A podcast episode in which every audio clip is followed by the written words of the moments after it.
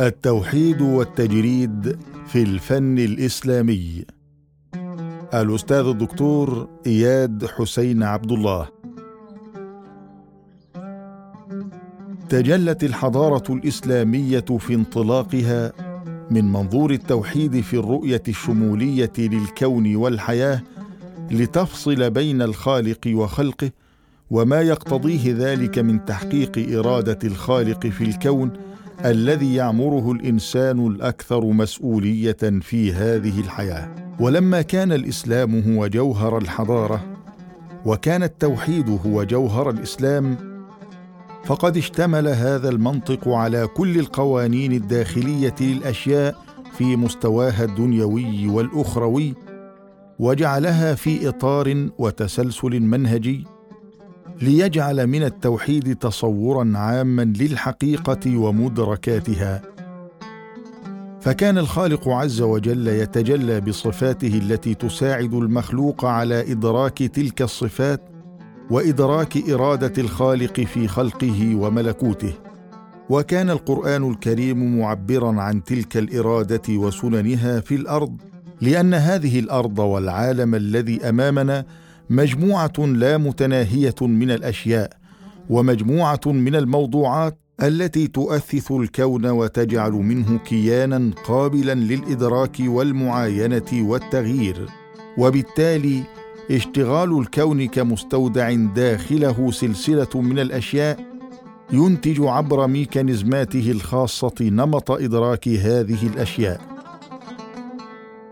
وكان لمبدأ التوحيد الجوهر الحضاري في الإسلام أسلوب يحدد الشكل الذي تنتظم به المبادئ المكونة للحضارة في عملية التطبيق ويحدد كذلك المبادئ نفسها التي تنتظم داخل الشكل بما ندعوه الآن بالمظهر والجوهر أو الشكل والمضمون. لقد اتضحت فكرة التوحيد انطلاقا من موقف الدين من الحياة والوجود في عرضيتهما وبما يحويانه من إنسان وحيوان وطبيعة إزاء جوهرية المطلق الذي هو الغيب المطلق الموجود في كل شيء. فأينما تولوا فثم وجه الله. وقال تعالى سنريهم آياتنا في الآفاق وفي أنفسهم حتى يتبين لهم أنه الحق. والعديد من الآيات الكريمة التي تؤكد عرضية الزمان والمكان والوجود كعالم يشهد إزاء مطلقيته وجوهريته وأزليته وأبدية الله. مبدأ الجمال. وأمام هذه العرضية يفقد الموضوع قيمته الأساسية في العمل الفني الإسلامي ويتحول إلى المبدأ مع قيمة الشكل بدلا من الشكل والمضمون أو الموضوع. فالجمال في الفنون الإسلامية تتميز بتفردها بتلك اللمسات الروحانية التي ترتاح إليها النفوس وتتماهى مع تعابيرها وتوريقاتها اللامتناهية. لتوحي بشعور الانتماء إلى عوالم كونية بعيدة تمد الروح القلقة فيها بسلامها وطمأنينتها حتى اعتبرت الزخرفة نوعا من الطقوس المقدسة والمنمنمات تمثل لا نهائية الحياة. يقول مارسيه في كتاب الفن الإسلامي إن وحدة الرقشة الزخرفية بغير بداية أو نهاية هي سرمديه استوحت قواعدها من القواعد الرياضية وتكرار الموضوع والرغبة في حل معادلة اللانهائية. ويكشف لنا ابن عربي عن جوهر الفن الإسلامي بقوله الذات محجوبة بالصفات والصفات محجوبة بالأفعال والأفعال محجوبة بالأكوان والآثار. فمن تجلت عليه الصفات بارتفاع حجب الأفعال رضي وسلم. ومن تجلت عليه الصفات فني في الوحدة فصار موحدا مطلقا. فتوحيد الأفعال مقدم على توحيد الصفات. وتوحيد الصفات مقدم على توحيد الذات. من هنا تغيب الذات في الفن الإسلامي وتضمحل أمام عظمة الخالق. ولا تظهر إلا في سمات ذلك الفن الجمعي الذي يعيد عزفا اسلاميا جماعيا فيغيب الفنان المسلم بينما يتجلى الفن الإسلامي في أبهى صوره. كما تنعكس صفة المطلق من خلال ذلك التكرار الذي لا ينتهي في انتشار الزخرفة باتجاهات متعددة لا تنتهي أو تتوقف إنما تتوالد بصورة مستمرة. وهكذا ينمو الفن من نقطة واحدة تتراكم بنظامية هندسية رياضية أو تتكرر حسب نظام كلي فتصير خطا والخط يكون اشكالا مربعة دائرة مخمسا مسدسا مسبعا مثمنا إلى آخره. ثم تدور هذه الأشكال حول مراكزها. إنها النقطة. قواعد أساسية.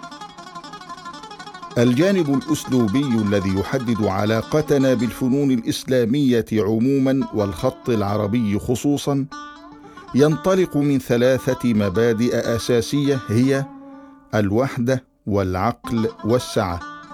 فالوحدة في الفنون الإسلامية عملية انتظام في علاقات داخلية مع مكونات تلك الفنون مهما اختلفت أساليبها ووسائلها.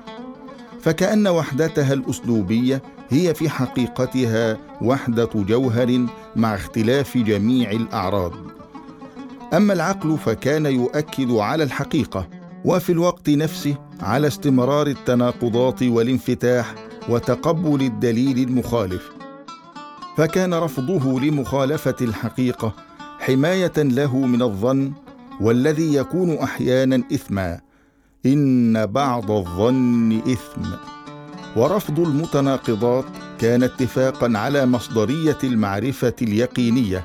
أما اشتغال العقل فقد كان حماية للإنسان من الانغلاق. وفي هذا الإطار تمتد فكرة التوحيد لتشمل المبادئ الأساسية في حياة الإنسان المسلم. وتكون في وقت واحد مبدا اخلاقيا وقيميا واجتماعيا وجماليا. وفي ذلك يقول روجيه جارودي الفن الإسلامي كالعلم الإسلامي والحياة الاجتماعية الإسلامية والفلسفة الإسلامية لا يمكن فهمها إلا من خلال مبدئها الأساسي وهو العقيدة الإسلامية. المرئي واللامرئي.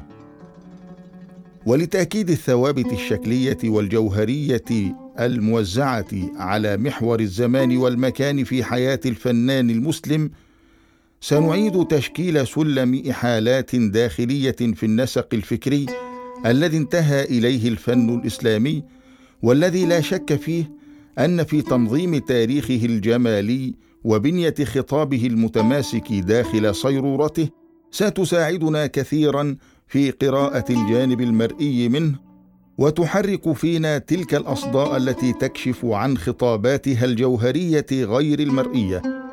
وهذا هو ديدن الفن الإسلامي في اكتشاف ذلك الجوهر ومنحه ذلك الجسد المرئي أي استقرار الجوهر الماورائي وإعادة تمثيل ذلك الجوهر. ولما كان هذا الجوهر الماورائي الهيا في طبيعته ومصدريته فهو جدير بالتقديس والجلال والمهابة. وإذا كانت الفلسفات القديمة تبحث وتؤكد على ذلك الجمال الذي تدركه الحواس فإن الإسلام يؤكد على ذلك الجوهر والجمال الذي يدركه العقل في محكم بنيانه العظيم أو في تجسيده للإيمان والوفاء والتقوى والشجاعة والكرم. واعتبر الإمام الغزالي أن ذلك الجمال المدرك بالعقل تعجز الحواس بحكم محدوديتها عن إدراكه أو نقله إلى العقل وإنما يدركه العقل مباشرة دون أن يكون للحواس فضل في ذلك لأنه من المدركات الاعتبارية المؤثرة في النفس والوجدان. الجمال الحسي والجمال العقلي. يتضح لنا أمران في إدراك الجمال في الإسلام. جمال حسي وجمال عقلي. الأول يدركه البصر والآخر تدركه البصيرة. وكشف الإمام الغزالي عن عمق جمال البصيرة بقوله البصيرة الباطنة أقوى من البصر الظاهر. القلب والعقل أشد ادراكا من العين وجمال المعاني المدركة بالعقل أعظم من جمال الصور الظاهرة للأبصار. ولذة القلب في إدراك الأمور الجليلة الإلهية أقوى وأمضى. وهكذا وحد الجوهر في الفن الإسلامي بين ذلك النسق في العلاقات الشكلية بين المفاهيم والأسباب التي أدت إلى ائتلافها أو اختلافها. ويصر ذلك النسق على الاكتمال في الرؤية بعد أن كانت كل الوقائع مستعصية على الانصياع. فالمدرك بالبصر والبصيرة غير الملموس باليد أو البعيد المنال. وهكذا تحرر الفن الإسلامي من الحضور العيني للوقائع البصرية. إنه فن يؤمن بالتوحيد ويشهد على الألوهية عندما يقضي الفنان المسلم بألا شيء فوق الطبيعة يحمل صورة الله أو يعبر عنه، أي أبعده عن طبيعته. وتأمل الفنان الموجود بأن عدم التعبير عن الله شيء، والتعبير عن عدم التعبير شيء آخر، أي أن استحالة التعبير عن إله هي أسمى الأهداف الجمالية التي يمكن أن ينشدها. ليس كمثله شيء. وقال تعالى لا تدركه الأبصار وهو يدرك الأبصار ورأى الفنان المسلم الموحد أنه يمكن التعبير عن استحالة التعبير وذلك بحمل ما يرى في بصيرته على الإيمان باللانهائية وهو المحال التعبير عنه فكان فن الخط والزخرفة والعمارة والكثير من منتجات الفن الإسلامي. وعند استحالة التعبير في شكل هذه الفنون بعد تغير موضوعاتها أيقن الفنان الموحد معنى من معاني التنزيه. لهذا كانت كل الفنون الإسلامية تسعى إلى تجاوز لغة الشكل والتقليد. لغة الشكل وإيقاظ العين. وتتسم لغة الشكل بتجردها من القيم المادية بالطبيعة فتتحول تلك القيم إلى خطوط وألوان مسطحة ومجردة من أي دلالة في العالم المنظور. بل تقود تلك الخطوط والألوان إلى نزعة صوفية تزهد بكل ما هو عاطفي أو حسي أو عرضي حتى قيل في الخط بأنه هندسة روحانية وإن ظهرت بآلة جسمانية أو الخط أصيل في الروح و الخط لسان اليد ومطية الفكر أو العقل كما أورده ابن النديم. وتحمل لغة الشكل في الفن الإسلامي استعدادا مبكرا لإيقاظ لغة العين لأن المدرك بالبصر والبصيرة غير الملموس باليد أو البعيد المنال. ومحاولة قراءته بطريقة بنائية تركيبية وبنسق يوضح العلاقة بين المفاهيم والأسباب التي أدت إلى ائتلافها أو اختلافها لأنها عندما تتوجه اولا للعين تتخذ منها طريقا للوصول إلى الإنسان ككائن موحد. وإيقاظ لغة العين يعني أن يكون باستطاعتها أن تقرأ مضمون المستقيم والمنحني والمتحرك والثابت والمغلق والمفتوح وتجليات النقطة واكتمال الدائرة وكل النظام الحي الذي يحكم مسار العناصر وبالتالي أن تقرأ لغة الشكل كمضمون. والسؤال الذي يقدمه الفن الإسلامي هو كيف ترى وليس ماذا ترى؟ فقد شهد الفن الإسلامي منذ حضوره على كيفية الرؤية لا على موضوع الرؤية وهو ما تسعى إليه اليوم المدارس الفنية الحديثة والمناهج الفكرية في التلقي والتأويل سواء في الأدب أو الفن. فالعين إذن هي القصد الأول سواء كانت في مجال القراءة أو التأمل أو التذوق أو الفن.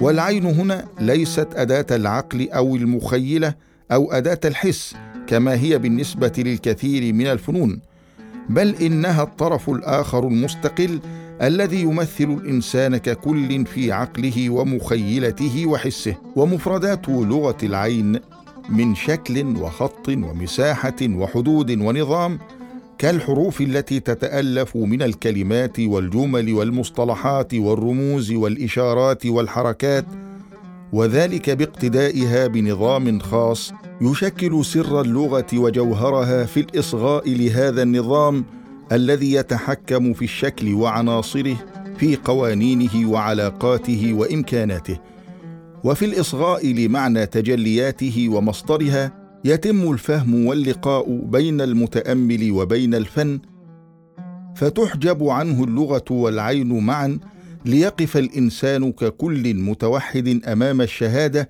التي يشهدها هذا الفن. إننا إزاء فن لا يروى ولا يوصف ولا يعلق ولا يشرح فقد غاب الموضوع عنه فتجرد من الفرح أو الحزن كما تجرد من الزمان أو المكان. فلا حاجة إذن للتواريخ والأماكن بل تبرز الحاجة للعين التي تعرف كيف تقرأ تلك العناصر والخطوط والألوان في تلاقيها وتقاطعها وتنافرها وتناغمها كإشارة أو رمز أو نظام خفي. وحدة الرؤية. وكنا فيما سبق قد شهدنا وحدة الرؤية في الفن الإسلامي ومصدرها. ويحضرنا قول لتيتوس بوركهارت بأن الفن الإسلامي يستقي مكانته من التزاوج بين الحكمة والمهارة الحرفية وتبرز قيمة الإتقان هذا في الفن الإسلامي كنوع من الإخلاص والإجادة في أداء العمل. وهي رؤية شمولية لحياة الإنسان في عبادته وفكره وحياته اليومية فضلا عن فنه. لا شك أن مثل هذه الرؤية الفنية والتراث الخالد مبنيان على البراعة والحكمة في كافة تجليات الفن الإسلامي. ولمناقشة وحدة الرؤية في الفن الإسلامي فإننا نعود إلى تفسير وحدة الفكرة لدى بوركهارت حيث يقول إن لدى الفنان المسلم ثلاث وسائل الهندسة وهي تترجم النظام المكاني والإيقاع وهو يكشف النظام الزمني. وكذلك في المكان على نحو غير مباشر والضوء بالنسبة للوجود المحدود وهو في حقيقة الأمر غير قابل للانقسام وطبيعته لا تتغير بفعل انعكاساته على شكل ألوان ولا تقل بفعل انعكاساته أو تدرجاته من النور إلى الظلمة. وهذه الوسائل الثلاث تبدو بشكل نموذجي في الفنون الإسلامية في العمارة والزخرفة والخط كما ألغى الإسلام الحدود الفاصلة بين الدين والحياة وكان المسلم يبدأ بالبسملة عند شروعه القيام بأي عمل. وقد يجدر بنا هنا التوقف عند الوسيلة الأولى الهندسة أو ما يسمى بالعلاقات الهندسية في الفن العربي الإسلامي. ومن الضرورة هنا التمييز بين العلاقات الهندسية والعلاقات الرياضية. لا شك أن القيم الجوهرية الماورائيه التي تقف وراء الفنون الإسلامية كان مصدرها منطقا واحدا. وفي الخط العربي على الأقل لم يكن للخطاط المسلم من وسيلة للكتابة والإتقان سوى يده وعقله وقلمه ولم يكن يعتمد وسيلة قياس أو أداة. فكانت لغة العين سائدة كوسيلة تختزن الآلاف من الصور الجميلة المتقنة بحروف الخطاطين البارعين لترتقي بهذه الصور إلى أعلى مستويات التهذيب والتجلي في الفكرة ثم تسعى يد الخطاط بالممارسة والتمرين للوصول إلى طواعية اليد لإعادة تطبيق أجمل الصور الذهنية المحفوظة بالذاكرة عن أولئك الخطاطين الأوائل. هكذا توارث الخطاط روحية وجوهر القواعد دون أن يكون لكل زوايانا وترديدنا ونسبنا أي حساب أو اعتبار.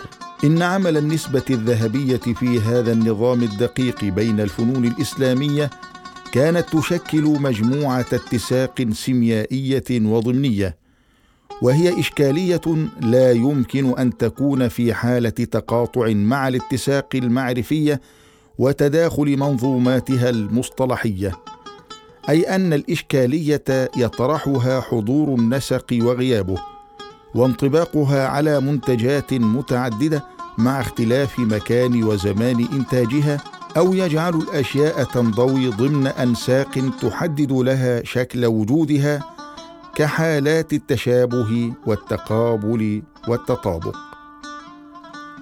وفي إطار وتسلسل منهجي دقيق يعاد اكتشاف القانون الداخلي لمفردات الفن الإسلامي والخط العربي بتلك الشبكة المتداخلة بين منظومة النظرة والفكرة واللغة لتجعل الفن الإسلامي نظاما يؤسس مكوناته المفهومية والمنهجية في الذاكرة والفنية والخطابية والجمالية. لا شك أن خلف كل تقنية أو أسلوب ميتافيزيقي يجب حصر معالمها لفهم تلك الرؤية الماورائية للعمل الفني من خلال الأرضية الثقافية والتاريخية لأشكال الخطوط العربية والفنون الإسلامية عموما. وهنا يكشف الفن الإسلامي بناء ثوابته الشكلية الموزعة على محور الزمان والمكان ويؤسس لسلم إحالات داخلية تنظم تاريخه وبنية خطابه المتماسك. في صيرورة تعيد النسق الفكري إلى تلك النقطة الجوهرية التي ابتدأ منها الفن الإسلامي.